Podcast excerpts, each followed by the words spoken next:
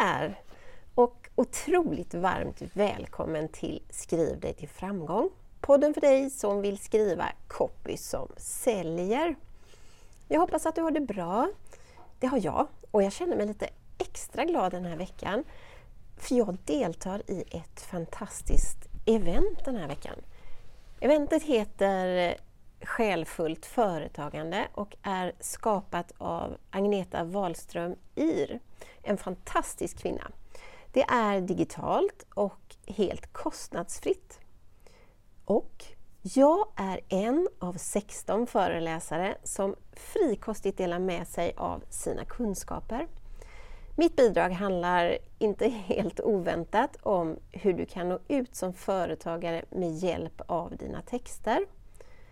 Det här eventet äger rum den 7, 8 och 9 februari, alltså redan imorgon. Och har du inte anmält dig så tycker jag du ska göra det. Det kommer bli grymt, det, det, det känner jag på mig. Vill du så kan du uppgradera till ett så kallat premiumpass och får då tillgång till samtliga föreläsningar under sex månader. Och dessutom får du en goodiebag med bland annat en privat podd där du kan lyssna på föreläsningarna. Du får workshops, coachningar, meditationer och väldigt mycket mer. Eh, du får dessutom en gåva av samtliga författare. Min gåva till dig som köper premiumpasset är en månads medlemskap i min medlemstjänst Skriv dig till framgång. Bara det är värt mer än premiumpasset som kostar 995 kronor exklusive moms. Har du inte anmält dig så tycker jag som sagt att du ska göra det. Jag lägger en länk i avsnittstexten.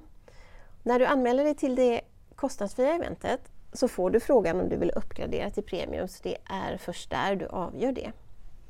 Men nog om det. Idag ska vi prata om framgång. Igen, tänker du kanske. I avsnitt 22 pratade jag om vad framgång kan vara som företagare och då med tanke på att skriva sig till framgång. Idag tänker jag berätta hur du som soloprenör faktiskt kan mäta och utvärdera framgång i ditt skrivande. För mäta, det är bra att göra. Mäta behöver du göra, tänker jag. Om du inte redan mäter och har lite koll på statistik som jag tycker är så fruktansvärt tråkigt att ta fram. Inte att ta del av, men att plocka fram. Jag skulle helst vilja att någon annan tog fram och analyserade min statistik så att jag bara kan få fakta framlagt. Men så funkar det ju inte. Men om du inte mäter och har koll på din statistik så kan du ju faktiskt inte veta vad som fungerar. Du kan bara gissa och tro vad som fungerar. Och dina gissningar och dina eh, tro, höll jag på att säga, dina, vad du tror, det är ju baserat på din känsla. Och känslor i all ära, verkligen. Men i det här fallet så är de inte helt eh, tillförlitliga. För det är så lätt att freebasea och köra på känsla och tänka att ja, men det här inlägget, det fick ju många likes. Det gick bra. Och så fortsätter du skriva liknande texter och får lika många likes. Och det är bra. Men du får inga köp då kanske dina texter saknar någonting. Det är så lätt att luras av likes och kommentarer. Men i slutändan så behöver dina texter konvertera leads till betalande kunder så att du faktiskt får ett företag med intäkter som du kan leva av. Så ja, att eh, mäta och utvärdera din framgång i dina texter, i ditt skrivande, det är viktigt. Du ska få sju tips av mig idag på ganska enkla metoder som du kan använda dig av för att mäta framgången i dina texter så att du får lite koll. Vi går rakt på det första tipset som är konkreta säljmål. Du behöver definiera klara och mätbara säljmål för varje text eller varje kampanj du gör. Men tänker du, jag kan inte sälja med exakt varje text. Nej, det kan du inte, även om det faktiskt hade varit en dröm. Men du kan sälja indirekt med varje text om du lägger manken till. Du bör sälja indirekt med varje text. Mätbara säljmål kan vara antal konverteringar, försäljningssiffror eller andra mål kopplade till dina texter. Ett tydligt och eh, mätbart säljmål kan också vara leads. Hur många interagerar med din text? Hur Hur många hör av sig, skickar DM? Eh, hur många följer du upp med DM? Vilka ställer frågor och följdfrågor och så vidare? Hur många profilbesökare slash hemsidebesökare får du av en text? Mätbara säljmål kan vara antal konverteringar, försäljningssiffror siffror, eller andra mål kopplade till dina texter. Och det här det är data som är viktig för dig, som säger dig någonting om texten du har skrivit. Kom ihåg bara att inte stirra dig blind på enbart likes. Tänk själv så många inlägg eh, som, eh, som alltså om vi pratar sociala medier, som du säkert själv sätter en tumme på samtidigt som du scrollar utan att kanske ens ha läst klart. Likes är trevliga, men de behöver inte alltid vara värda sin vikt i guld. Okej, okay. metod nummer två. Konverteringsfrekvensen som är en viktig parameter för att förstå hur effektivt dina te texter gör att eh, dina besökare tar action. Att de köper, gör en anmälan, en registrering och så vidare. Du behöver följa upp hur dina texter transformerar läsare till betalande kunder. Genom att analysera konverteringsfrekvensen så kan du se vilka texter som är mest effektiva och då också optimera dem för att öka konverteringen. Det här är ganska enkelt gjort på landningssidor till dina kampanjer, freebies och så vidare. Med andra ord så måste du först definiera vad en konvertering är för respektive text. Är det sälj? Är det en nedladdning? En anmälan? En prenumeration? Eller är det något helt annat? Din definition av konverteringen till en specifik text blir din mätstav för din framgång med den texten. Du kan använda spårningsverktyg som Google Analytics eller liknande eh, för att följa din, vad ska man säga, din besökares promenad på din webbplats. På så vis så ser du var konverteringarna sker någonstans. Du kan också ha koll på konverteringsfrekvensen genom att segmentera din data för att få mer djupgående insikter. Alltså titta på konverteringsfrekvensen baserat på källa, till exempel organisk sökning, sociala medier, e-postkampanjer och så vidare. För att definiera vilka av dina texter som ger bäst resultat. Tips nummer tre då, trafik och exponering. Du kan mäta trafiken till dina texter och också hur många som faktiskt exponeras för dem.